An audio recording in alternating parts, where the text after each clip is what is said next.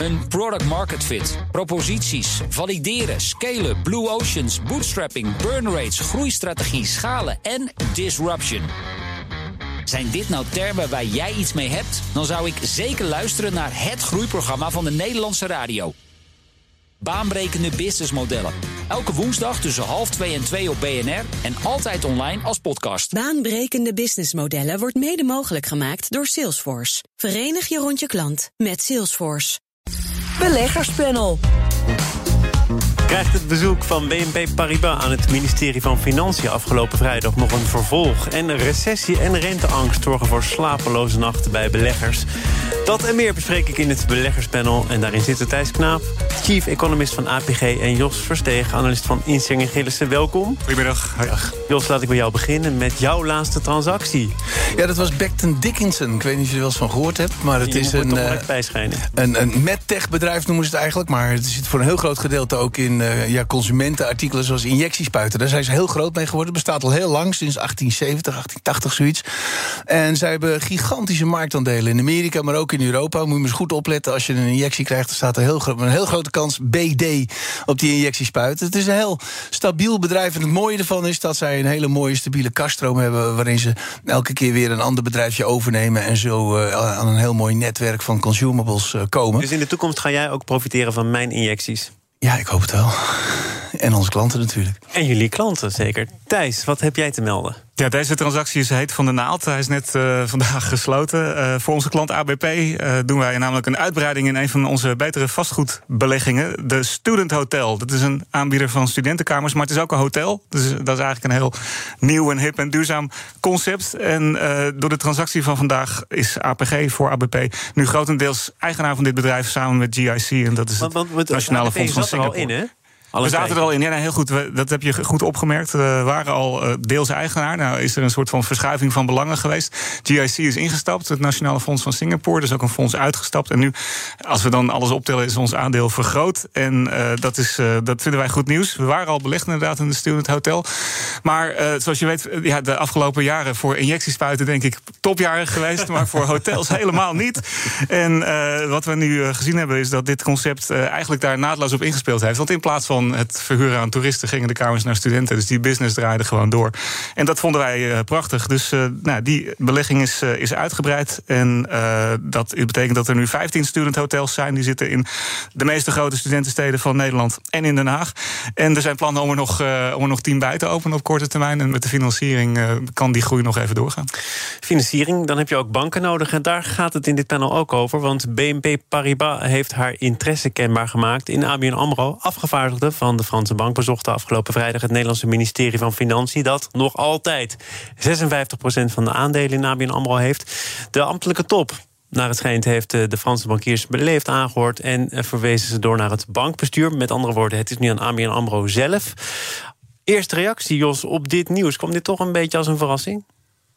Eigenlijk niet, want het was natuurlijk al eh, heel lang belangstelling voor ABN AMRO. Nordea was in 2016 al een keer langsgekomen... en eh, vriendelijk toch naar de deur verwezen.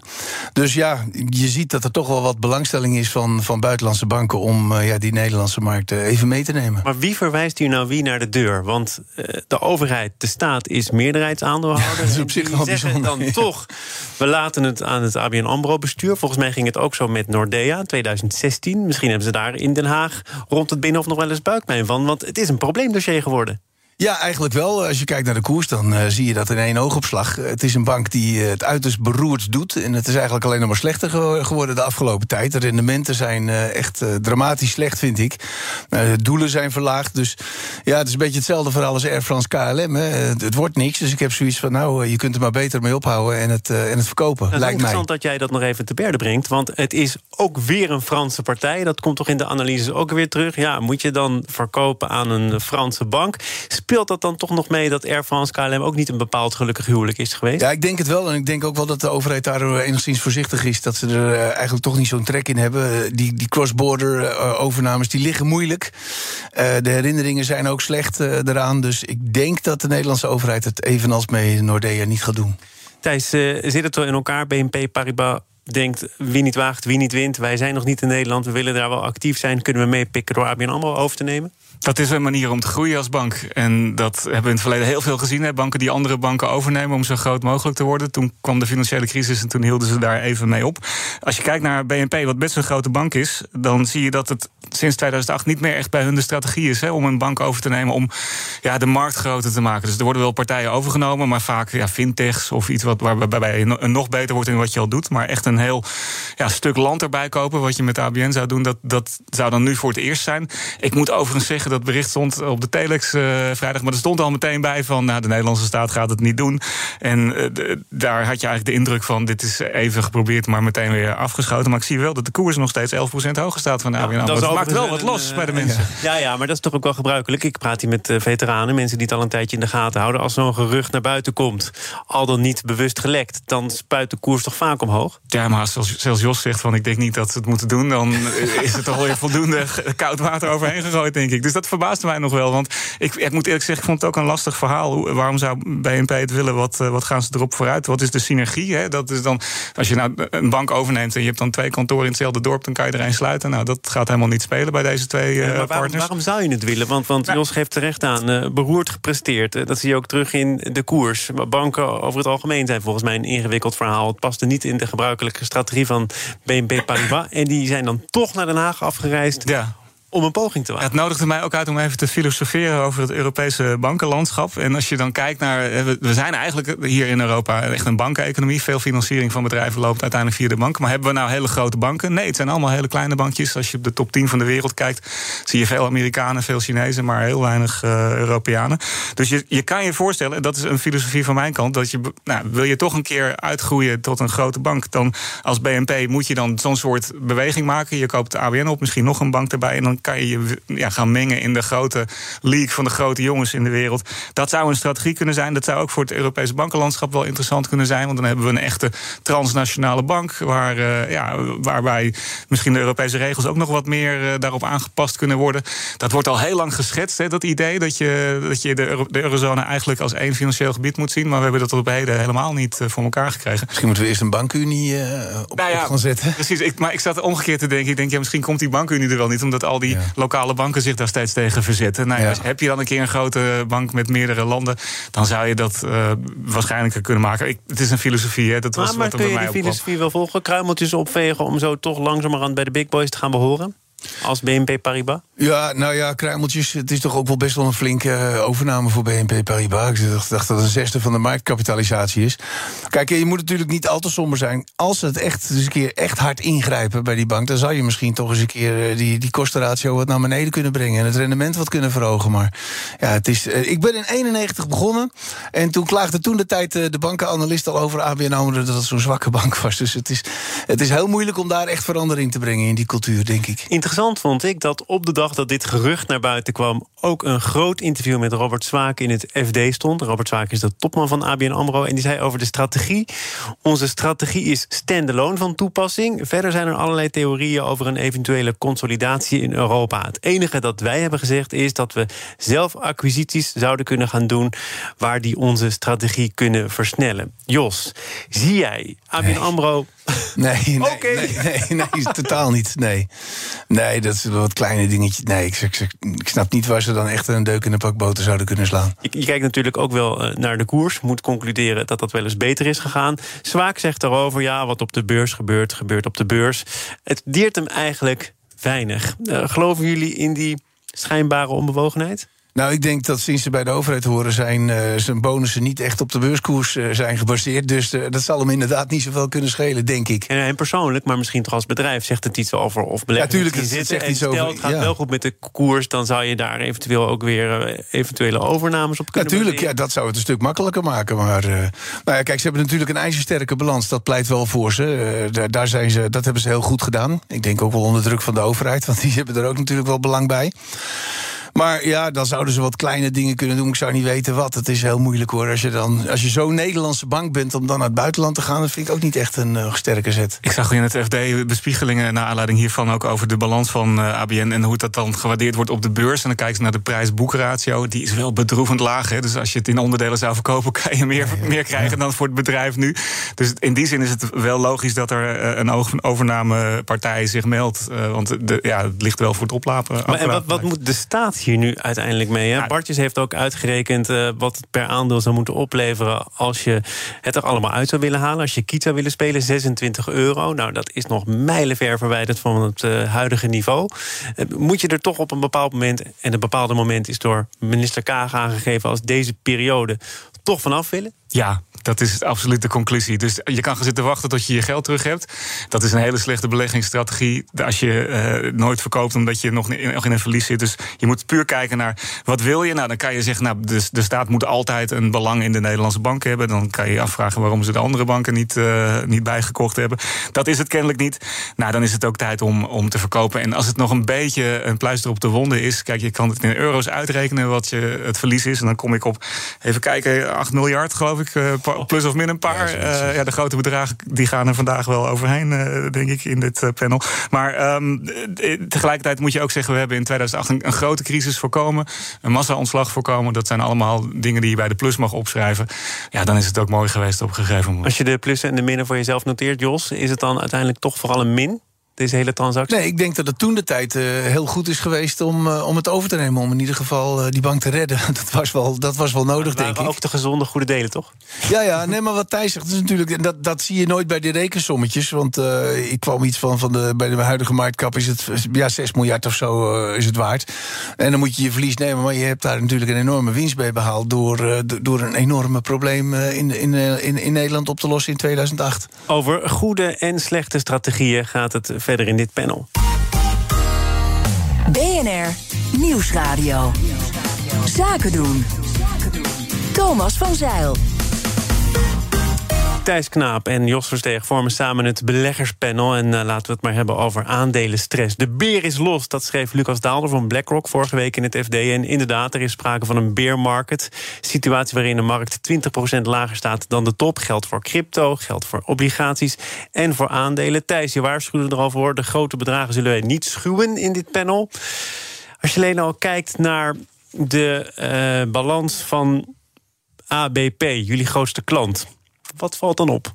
Nou, daar valt op dat uh, die balans twee kanten heeft, namelijk bezittingen en verplichtingen. En aan beide kanten gaan de getallen hard naar beneden. Dat is, uh, en dan heb je het inderdaad over grote getallen. Dus ik vertel geen nieuws. Het stond al in de krant dat op basis van de laatste cijfers uh, de bezittingen met zo'n 45 miljard, 9 nullen, zijn gekrompen. 45 ja, dat miljard, en daar ben jij onder andere verantwoordelijk dat voor. Dat is waar, ja. Dus dat is, dat is een hoop geld. En het goede nieuws is natuurlijk dat die verplichtingen met nog veel meer euro's zijn gekrompen. En als je die twee getallen op elkaar deelt, dan krijg je de dekkingsgraad, dus die gaat omhoog. Maar ja, je moet als belegger natuurlijk ook wel even kijken naar wat is er aan de hand. En ja, dat is wat je net al noemde, alles gaat omlaag. Dus uh, normaal heb je nog wel iets van, van diversificatie in de portefeuille. Op dit moment zien we en de aandelen en de obligaties en een stukje real estate. En nou ja, andere dingen. zullen zeggen, het is allemaal vreselijk, die 45 miljard. Maar de dekkingsgraad, uiteindelijk bepalend voor of ons pensioen wordt geïndexeerd, die gaat omhoog. Ja daar hebben wij uiteindelijk meer mee te maken. Ja, dat is waar, want die dekkingsgraad dat was de grootste belemmering uh, voor pensioenfondsen om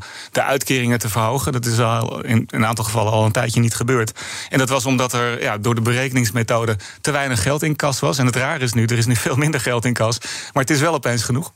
Wat, wat kun jij daar nu aan doen? Hè? Want uh, de richting van de beweging is op verschillende markten naar beneden. Dus dan kan je strategieën ontwikkelen. Je kunt zeggen obligaties, aandelen. Nou, verzin het allemaal maar. De hele portefeuille heeft het op dit moment zwaar. Wat doe je dan? Ja, die strategie die had je eigenlijk al moeten maken. Dus we weten dat markten volatiel zijn. Dus je, ja, je had het van tevoren kunnen zien aankomen dat er een keer een, een neerwaartse markt zou zijn. Nou ja, dat klopt. Uh, daar hadden we verschillende strategieën voor. Eén is diversificatie. Dat werkt nu niet zo goed, hè, omdat alles tegelijk naar beneden gaat. Ja, dat heb je soms ook. Uh, tegelijkertijd moet je gewoon rustig je beleid blijven uitvoeren. Dus datgene wat het meest in prijs gedaald is, daar koop je wat van bij. En datgene wat het dan toch nog goed gedaan heeft, daar verkoop je wat van. En je moet in het achterhoofd houden, houden en dat is denk ik het belangrijkste, dat je een lange termijn belegger bent en dat er goede en slechte tijden zijn en dat over de hele lange periodes het altijd weer goed komt. Jos, 45 miljard in de min. Kun je er nog overheen? nee, nee, nee, nee. Daar zijn we een stuk, uh, stuk bescheidener in. Over die bearmarkt, dat vond ik wel interessant. Ik zag uh, van de week een grafiekje in de Wall Street Journal. En daar hadden ze de afgelopen 10, 15 bearmarkts uh, nagekeken. En dan hadden ze gekeken wat dan het mediane rendement was een jaar later. En dat was dan 20% of zo. Dus meestal als je dus in een bearmarkt zit... Dan, lijkt het uit de krantenkoppen dat het dan nou, de komende maanden niet meer goed komt. Maar je moet bedenken dat je misschien dan wel een heel groot deel van de, van de daling hebt gehad. Het is overigens geen garantie, want er zijn ook wel twee data bij, geloof ik. Ik dacht in de jaren 70 en in 2008 dat het na die 20% nog een keer 20% daalde. Maar ja, uh, zoals Thijs zegt en uh, zoals Benjamin Graham uh, zei, ik zet je er maar naast. De beroemde econoom van als je in aandelen belegt, dan moet je altijd bedenken dat je wel eens 30, 40% onderuit kan gaan. Zo gaat dat. Ja, maar goed, je staat hier nu tamelijk rustig. Ja. Ben je altijd zo rustig? Ja, eigenlijk wel. Want je, uit, kijk, wat wij doen is uh, in ieder geval hele goede aandelen kopen, sterke aandelen. Met één ding is echt essentieel: een hele sterke balans. En je zult zien dat als het heel erg slecht gaat, als het moeilijker wordt, dan hebben de bedrijven die een sterke balans hebben, maar ook goed management, die kunnen dan uh, dingen doen die andere bedrijven niet kunnen doen. Dus we maken positie verstevigen. Amazon bijvoorbeeld investeert dit jaar bijna evenveel in uh, nieuwe magazijnen als Walmart in de afgelopen 50 jaar heeft gedaan. Dus dat soort bedrijven die maken zich nu klaar voor de toekomst. En ja, maar dat dan zijn de uitzonderingen. En, en, de toekomst, ja, dat kan toch ook nog wel wat uh, tijd in beslag nemen. Als je kijkt naar de ontwikkelingen die nu bepalen waarom er zoveel angst in de markt zit. Gisteren ging het in dit programma kort over een uitspraak van een vetbestuurder, lid van het rentecomité. Ja. Die aangaf, jij was hier toevallig ook, dat die inflatie iets is waar we misschien nog wel jaren mee te maken hebben. Tenzij de vet, maar dat is onverantwoord, zegt nou, we verhogen de rente niet naar 3, 4 procent, maar echt naar 5 tot 7 procent. Kortom, het is niet per se morgen voorbij. Nee, we zullen wel een paar jaar met iets hogere inflatie zitten, maar verwachten niet dat het op 8 procent blijft. Ik bedoel, door het huidige beleid. Je ziet het nu al behoorlijk afkoelen. Zal het wel misschien richting 3, 4 procent gaan, misschien 5. laten we zeggen rond de 4 procent. En dat is nog niet, dat is wel te hoog, maar niet extreem, moet ik zeggen. En op zich is dat ook niet zo heel slecht voor aandelen. Kijk, als je sterk, in sterke bedrijven belegt, die hebben over het algemeen prijskracht. Dus die kunnen ook hun prijzen mee verhogen.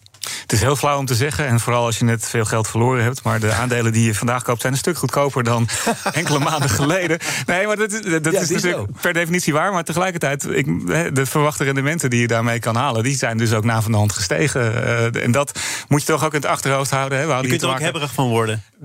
Ja, dat kan ook. Maar uh, dat, dat is denk ik weinig mensen gegeven op dit moment als het uh, met de portefeuille niet zo goed nou gaat. Ja, maar je kunt toch ook zeggen dat voorheen onbereikbare fondsen, hele dure aandelen, plotseling toch binnen handbereik raken. Dat is wat je veel hoort. Hè. Er zijn bedrijven die hadden we altijd al willen kopen en, uh, en nu kunnen we ze ineens betalen. Dus ja, dat is waar.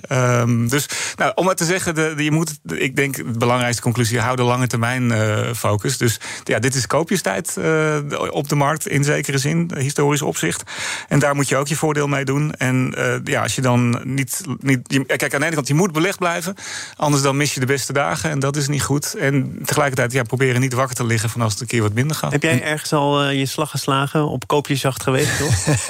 nee, ik heb nog een flinke dure vakantie. En ik wil nog wat investeringen in mijn huis doen. Dus op het ogenblik heb ik weinig, heb ik weinig cash uh, staan. Maar wat ik wel mee wil geven voor, voor particuliere beleggers dan. is, is.